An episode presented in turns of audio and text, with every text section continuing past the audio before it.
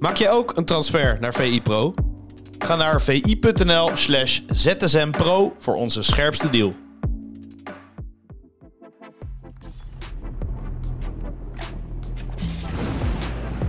Sander, goedemorgen. Goedemorgen. Ja, we hebben een eh, drukke week achter de rug met eh, Deadline Day. Eh, maar eigenlijk daarna is het ook geen moment rustig geweest. Er is natuurlijk veel eh, te doen geweest bij PSV, bij Ajax. En daar beginnen we ook mee, want het meest gelezen item op v.nl ja, is dat Ajax de knoop doorhakt. En Heitinga maakt dus het seizoen af als hoofdtrainer. En niet alleen, hij heeft een nieuwe assistent. Dwight Lodewegers. Wat vind je daarvan? Nou, dat was niet per se de eerste naam die ik, eh, die ik had verwacht, eh, moet ik zeggen. Ik, ik dacht, ja, die, die, eh, volgens mij ging hij in de RVC van Heerenveen zitten en hij zat bij een amateurclub als, als trainer. Ja. Ik denk, nou ja, die, die gaat een beetje de laatste dagen van zijn voetbalcarrière uitzitten, zeg maar. En dan duikt hij ineens bij Ajax op. Maar is het zo heel gek? Want eh, hij wordt natuurlijk de laatste jaren eigenlijk meer geroemd dan eh, daarvoor. En bedoel, het is een hele ervaren trainer. Dus daarvoor was hij ook al heel goed. Bij het Nederlands elftal goed werk eh, verricht. De spelers lopen met hem weg. Dus op zich logischerwijs, als je dan kijkt van... Heitinga wordt de trainer. Ervaren man. Nou, de naam Ten Kate, die schoot bij mij ten Ja, binnen. ja. Ehm, maar uiteindelijk Lodewegers, als je het dan hoort... Ik vind het niet zo onlogisch. Het is niet heel erg onlogisch. Nee, als je, als je nadenkt over een eh, ervaren trainer, eh, ervaren assistent ook, hè. Die zich kan schikken in die rol. Dat, dat is Lodewegers wel. En tactisch gezien is hij ook wel sterk. Hè. Dat was ook de man met de briefjes met, eh, met Ronald Koeman natuurlijk. Ja. Dus wat dat betreft niet, niet heel onlogisch, maar meer ja, de rol waar hij nu in zat bij, bij Heerenveen in de RVC en eh nou, trainer op amateurniveau, dan, dan verwacht je misschien niet per se snel terug. Hè. Hij was pas vanaf 1 januari begonnen geloof ik bij Heerenveen. Nou, hij heeft het een maandje volgehouden en eh, hij is meteen weer vertrokken. Maar ik denk voor, voor Heitinga wel een hele fijne assistent. Eh, ik weet niet of zij eerder samen hebben gewerkt, volgens mij niet in ieder geval. Maar die zullen elkaar dan toch kennen op de, op de een of andere manier. Eh, nou, korte lijntjes in het voetbal. Hè. Dat, Ja. dat is dan wel weer. Maar zal het dan echt vanuit, vanuit Heigen? Of, of verwacht je echt, eh, want, want dit is natuurlijk best wel een traject. eh, van de Sar gaf in zijn persconferentie aan eh, bij het vertrek van Schreuder. Ja, wij doen ons huiswerk. Nou, dan denk je Ja. van oké, dan, dan zijn ze dus bezig even met een tussenoplossing van twee weken. En daarna gaan ze een nieuwe trainer bekendmaken. Nou, dat gebeurt dus niet. Ehm, dus of Bos wel of niet in aanmerking komt en of, of die naam wel of niet gaat, dat, dat zullen we voorlopig niet zeker weten. Ehm, toch in dat traject, dan kun je toch wel stellen van oké, een 39-jarige trainer, kind van de club. Ehm, ja, ze willen hoe dan ook voorkomen natuurlijk. Bij, bij PSV Van Nistelrooy aan het begin moeilijk gehad. Eh, van Bronckhorst in zijn eerste periode bij Feyenoord had hij het even moeilijk. Ik denk dat ze dat scenario wel willen voorkomen. En dat het misschien al eh, vanuit ja, technisch hart... Ja goed, ik weet niet meer wie uit het technisch hart eh, Ja, wie is het in eigenlijk? zit. Maar goed, daar gaan we straks gaan we het daarover hebben. Ja, dat het misschien daarvan uitkomt. Van, joh, er moet gewoon een ervaren man naast. Ja, dat denk ik wel. Hoor. Het zal niet alleen een beslissing van Heitinga zijn geweest. En er zijn natuurlijk de afgelopen weken al meer namen voorbij gekomen. Hè. Toen, toen Schreuder er ook nog zat, want die zou ook een ervaren assistent naast zich krijgen. Nou, volgens mij Meulensteen werd genoemd. eh Ruud Brood zag ik zelfs voorbij komen. Nou, er zijn heel erg uiteenlopende namen. Maar Lodewegers volgens mij eh, tot nu toe niet. Maar ja, wat je al zei, als je erover nadenkt, dan ja, is het best wel logisch. Maar ik, ik had een jaar geleden niet gedacht dat Ajax nu onder leiding zou staan van eh, John Heitinga en Dwight Lodewegers. Nee, wat ik wel mooi vind aan het verhaal is dat hij dus echt letterlijk begonnen is als, als ballenjongen en nu deze functie bekleedt. Ehm, ja, de vraag is alleen in, in de fase als dit, hoe, hoe moet je dat nou gaan beoordelen? Want stel dat hij ehm, uit zo'n hectische situatie en hij, hij boekt, boekt succes, wat ga je dan doen? Ja, je, kunt dan hem moeilijk zeggen aan het einde van het seizoen van... eh, nou John, het was hartstikke leuk het half jaar, maar eh, wij gaan met iemand anders verder. Nee, maar eh, voor mijn gevoel, dat, dat wat jij net zegt. Stel nou dat ze eh, terugkomen, alsnog kampioen worden. En nogmaals, de achterstand is groot. Dat, dat zou echt een prestatie van formaat zijn hoor, als dat hem lukt. Maar, ja, maar kan je eh, dan ja, nog dat- terug? Nee, daar kun je niet terug. En is dat misschien ook wel de reden dat ze denken van... nou, we zien het wel tot het einde van het jaar en, en we wachten met een mogelijke opvolger? Ja, ik vind het wel vreemd dat ze hem niet gewoon eh, hebben aangesteld voor, nou ja, misschien wel onbepaalde tijd. Hè? Dat ze zeggen van, nou, we kijken het in ieder geval een halfjaartje aan en dan gaan we evalueren. Maar het is nu echt duidelijk gezegd van, het is tot het einde van het seizoen en daarna zien we wel weer. Ja, dan had ik toch wel eerder Heitinga echt het vertrouwen gegeven en gezegd van, dan, dan doen we het ook gewoon met jou.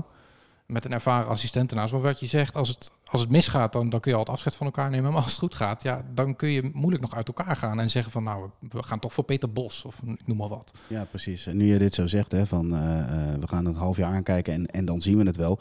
Dan moet je ook gelijk weer ehm, denken aan het pro-stuk. Mooi bruggetje. Naar eh, de besluiteloosheid van Ajax. Want het is eigenlijk wel in het verlengde daarvan. Komt het ook weer terug. Ehm, maar goed, laten we de besluiteloosheid, laten we dan nou eens eerst eens, bespreken van...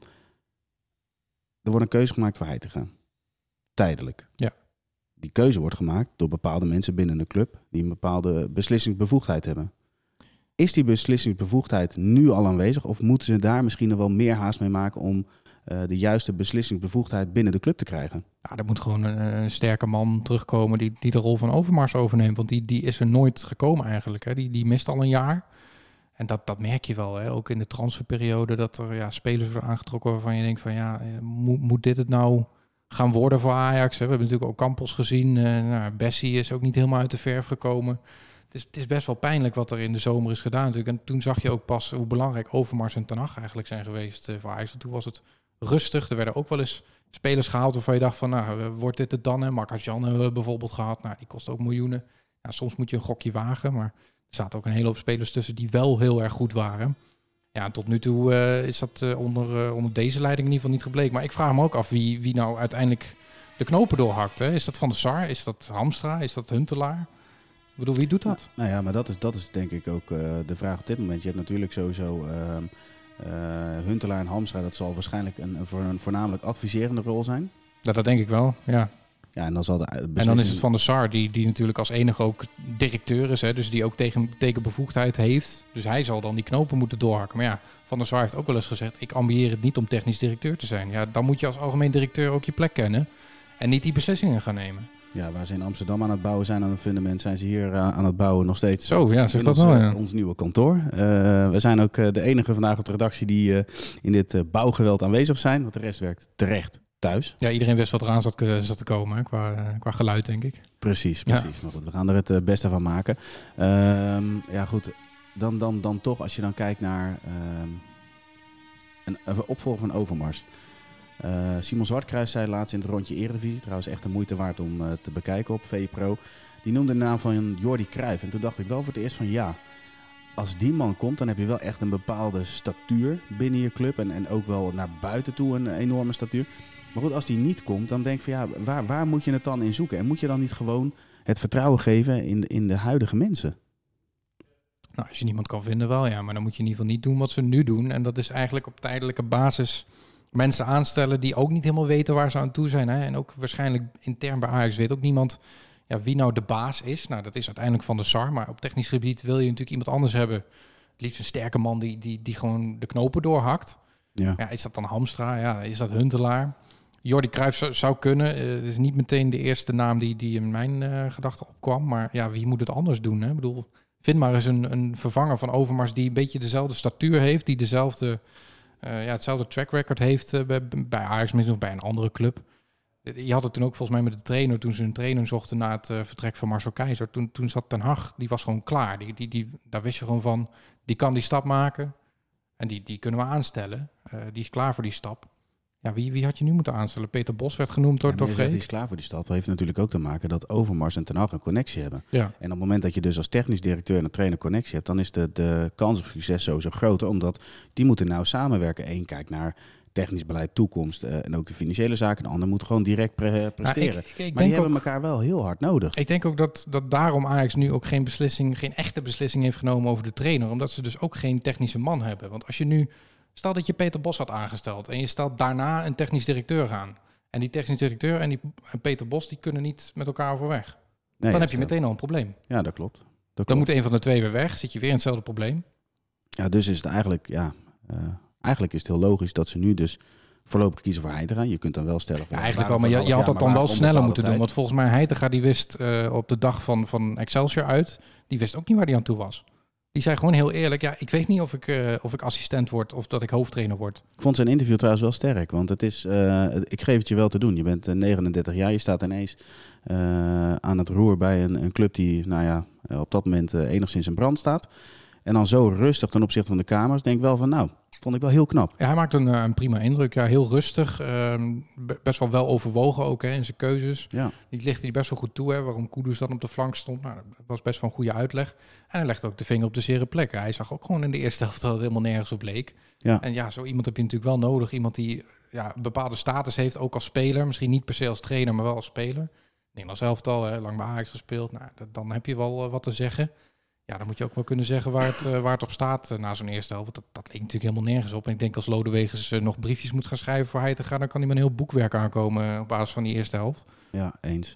Hey, we het stuk van eh Freek er nog eens bijpakken op VE Pro. En dan, en dan hebben we het over de visuele cirkel waarin Ajax zit. En dan gaat het om de voetbalman in de RFC, de technisch directeur, de sportieve ko- koers, laat maar zeggen, en het machtsvacuum waarin zitten. Allemaal vraagtekens er achter. Ik wil eigenlijk aan jou vragen van, hoe belangrijk is de rol van Van der Sar in dit geheel om dit ook eh, te sturen en ja, uiteindelijk op te gaan lossen? Nou, ik denk dat uiteindelijk wel de, de, de rol van de RVC eh, eh, het belangrijkste is. Want zij moeten die TD aanstellen. En die TD moet uiteindelijk de trainer aanstellen. En dan moet, daar kan Van der Sar gewoon weer terug naar zijn, zijn rol als algemeen directeur. Maar Van der Sar, omdat daar nu geen keuze in wordt genomen, moet Van der Sar ook een beetje het voortouw daarin nemen. Omdat hij de enige directeur is met, met tekenbevoegdheid. Ja. Dus, hij eigenlijk moet ook wel. Hij, hij moet eigenlijk wel. Maar ja, hij, hij kan ook moeilijk zeggen van ik ga, trek mijn handen ervan af. eh, laat iemand anders het maar doen. Want hij is de enige die die knopen kan doorhakken. Dus is de voetbalman in de RFC is de eerste stap die Ajax zou moeten zetten. Ja, tuurlijk. Ja. Ja. En ja, vandaar kun je onderaf of van bovenaf bouwen. En dan stel je een RVC-man aan, dan een TD en dan een trainer. Maar ja, dat had eigenlijk al een, half jaar eerder moeten gebeuren. Eens.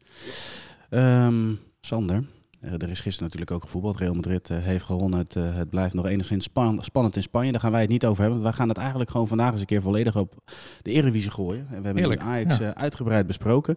Maar zondag staat er ook wel een aardige wedstrijd op, eh, op de planning. En dat is eh, die tussen Feyenoord en PSV. Laten we beginnen met PSV.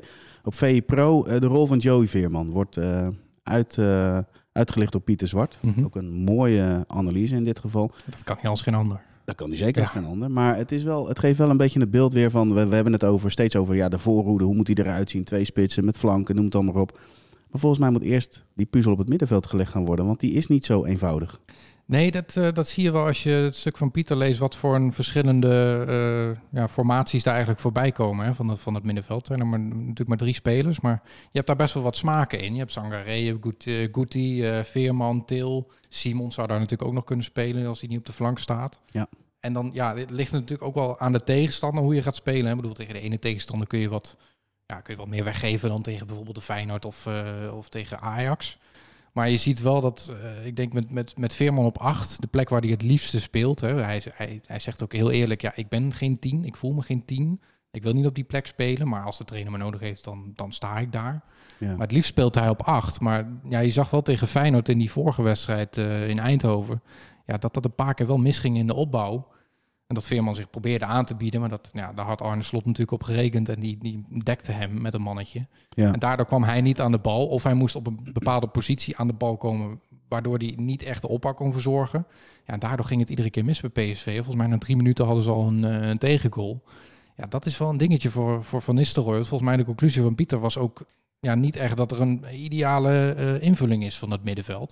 Het ligt natuurlijk aan de tegenstander. Maar ja, kijk maar eens hoe je het moet doen tegen, tegen, tegen Feyenoord. Moet je het dan met Sangaré en Guti oplossen als controleurs en dan Veerman op 10? Dat zou misschien de veiligste keuze zijn, hè, met het minste Ja. risico. Begint het niet, Sander, met... eh, eh, trainers moeten op voorhand ook kunnen bepalen van... eh, aan, aan de verwachting van een wedstrijd gaan we domineren, gaan we niet domineren. Dus Van Nistelrooy moet nadenken van... Ja, zijn we de bovenliggende partij of zijn we de onderliggende partij? Ja. En, en in welk geval kies ik voor Veerman en in welk geval doe ik dat dus niet? Nou, in dat geval kun je, kun je denk ik Veerman de best op 10 zetten als je hem wil gebruiken. Omdat je, ja, Feyenoord gaat natuurlijk hoog druk zetten in eigen huis. Die, die willen PSV onder de voet lopen. Een beetje hetzelfde als wat je tegen Ajax zag. Hè. Dat was ook Ja. in de eerste helft vooral eh, ja, best wel tekenend hoe, hoe Feyenoord die druk zette en, en Ajax echt afjoegen. Ja, ik denk dat, dat PSV hetzelfde gaat ondervinden in, in de Kuip. En dat dat echt een heel lastige wedstrijd eh, gaat worden. En ik denk als Feyenoord die wint, dan gaan ze wel heel eh, dicht richting die titel hoor. Ja, helemaal. Helemaal eens. Ja. En dan, dan eh, bij Feyenoord, Simanski ontbreekt in de topper tegen PSV. eh goede speler, goede aanvallende middenvelder. Ja. dan is ook gelijk daar de vraag, hoe gaat Slot het oplossen? Ja, ben ik wel benieuwd naar hoe ze, hoe ze dat gaan doen. Je hebt natuurlijk, even kijken, je hebt, ja, Timber zou je daar ook nog neer kunnen zetten. Hè? Volgens mij heeft Slot ook wel eens gezegd dat hij best wel veel aanvallend ingestelde middenvelders heeft. Kukcu zou daar ook kunnen spelen, dus ook wel een Ja. speler die vaak naar voren gaat. Maar ook weer best op acht positie eigenlijk. Ja, eigenlijk wel, ja. Dus Ja. dat is wel een beetje de vraag van hoe, hoe ga je dat dan invullen? Nou, wie, wie zou daar nog meer kunnen spelen? Ja, Dilro Sun heeft wel eens gespeeld. ja dat, dat zou ook nog kunnen. Ja, maar je hebt niet echt een, eh, een vervanger daarvoor, hè? Eh, niet direct, want je hebt... ehm, Dilrosun speelt er met fases volgens mij. Die niet, ik kan me niet voorstellen dat dit dat een hele Ja, wedstrijd volgens mij in het begin van het seizoen heeft hij het wel eens geprobeerd. Ja, met, met Dilrosun ook op, op 10. Maar dat is natuurlijk ook weer een hele andere invulling. Ik zou dan eerder kiezen voor een... ehm, Aan de bal doet hij dat trouwens heel goed. Ja, zeker, zeker. Maar ik vind sowieso Dilrosun tot nu toe eh, best wel aardig hoor, bij Feyenoord. Eerste seizoen. Ja. Dat doet hij, eh, doet hij best prima. Maar ja, je kunt daar eh je Kukçu neerzetten, je kunt de Timber neerzetten. En dan moet je ook nog afvragen wie dan weer daarachter komt te staan. Hè? Ja. Ja, nee, dus dat, het is wel een, eh, ik denk dat wel die, die strijd op het middenveld wel heel interessant wordt hoor, bij, eh, bij Feyenoord PSV. ja, en verwacht jij wel ehm, dat, dat Feyenoord net als tegen Ajax gaat domineren, hoog druk gaat zetten eh, en, en ook, kijk, dat ze dat gaan doen en willen, dat is duidelijk. Maar gaan ze het ook weer voor elkaar krijgen? Want bij Ajax is natuurlijk wel het grote verschil dat ze, ondanks dat die druk uitgeoefend wordt, laat maar zeggen, willen ze er onderuit voetballen. Mhm. Want dat past nou eenmaal bij Ajax. Ze moeten voetballen en geen lange ballen spelen. Ik heb het idee dat PSV veel pragmatischer is en denkt van ja, oké, als ze dat doen, prima. Dan, Ja, eh, die, die rossen de bal gewoon naar Luc de Jong en Ja, die ja, die, hebben zien wel waar het uitkomt. Ja, dat, dat, dat is natuurlijk ook wel zo. Nou, dan moet je tweede bal winnen. Maar ik denk wel dat, dat Slot dat wel gaat doen. Ja. Die, wil dat, die wil sowieso PSV gaan afjagen. En ik denk ook wel dat ze het kunnen. Want PSV zit ook niet in de beste fase. hè. Je zag natuurlijk Nee. bij Ajax ook. Die hadden al moeite met de opbouw. Ja, en als je dan ook nog zo wordt, eh, wordt afgejaagd door Feyenoord, dan, dan is het helemaal lastig. Ik denk dat PSV wel hetzelfde gaat ondervinden. En dat Feyenoord ook wel gaat winnen. Duidelijk, Sander. En eh, ja, voor al het nieuws eh, rondom Feyenoord, PC, maar ook Ajax. Ja, de komende dagen vooral vprov.nl in de gaten houden. Want eh, ja, we brengen natuurlijk alles wat daar gebeurt. Sander, bedankt voor jouw tijd in deze VZSM. En zoals Matthijs Vechter altijd zegt, tot, Tot ZSM. tot ZSM.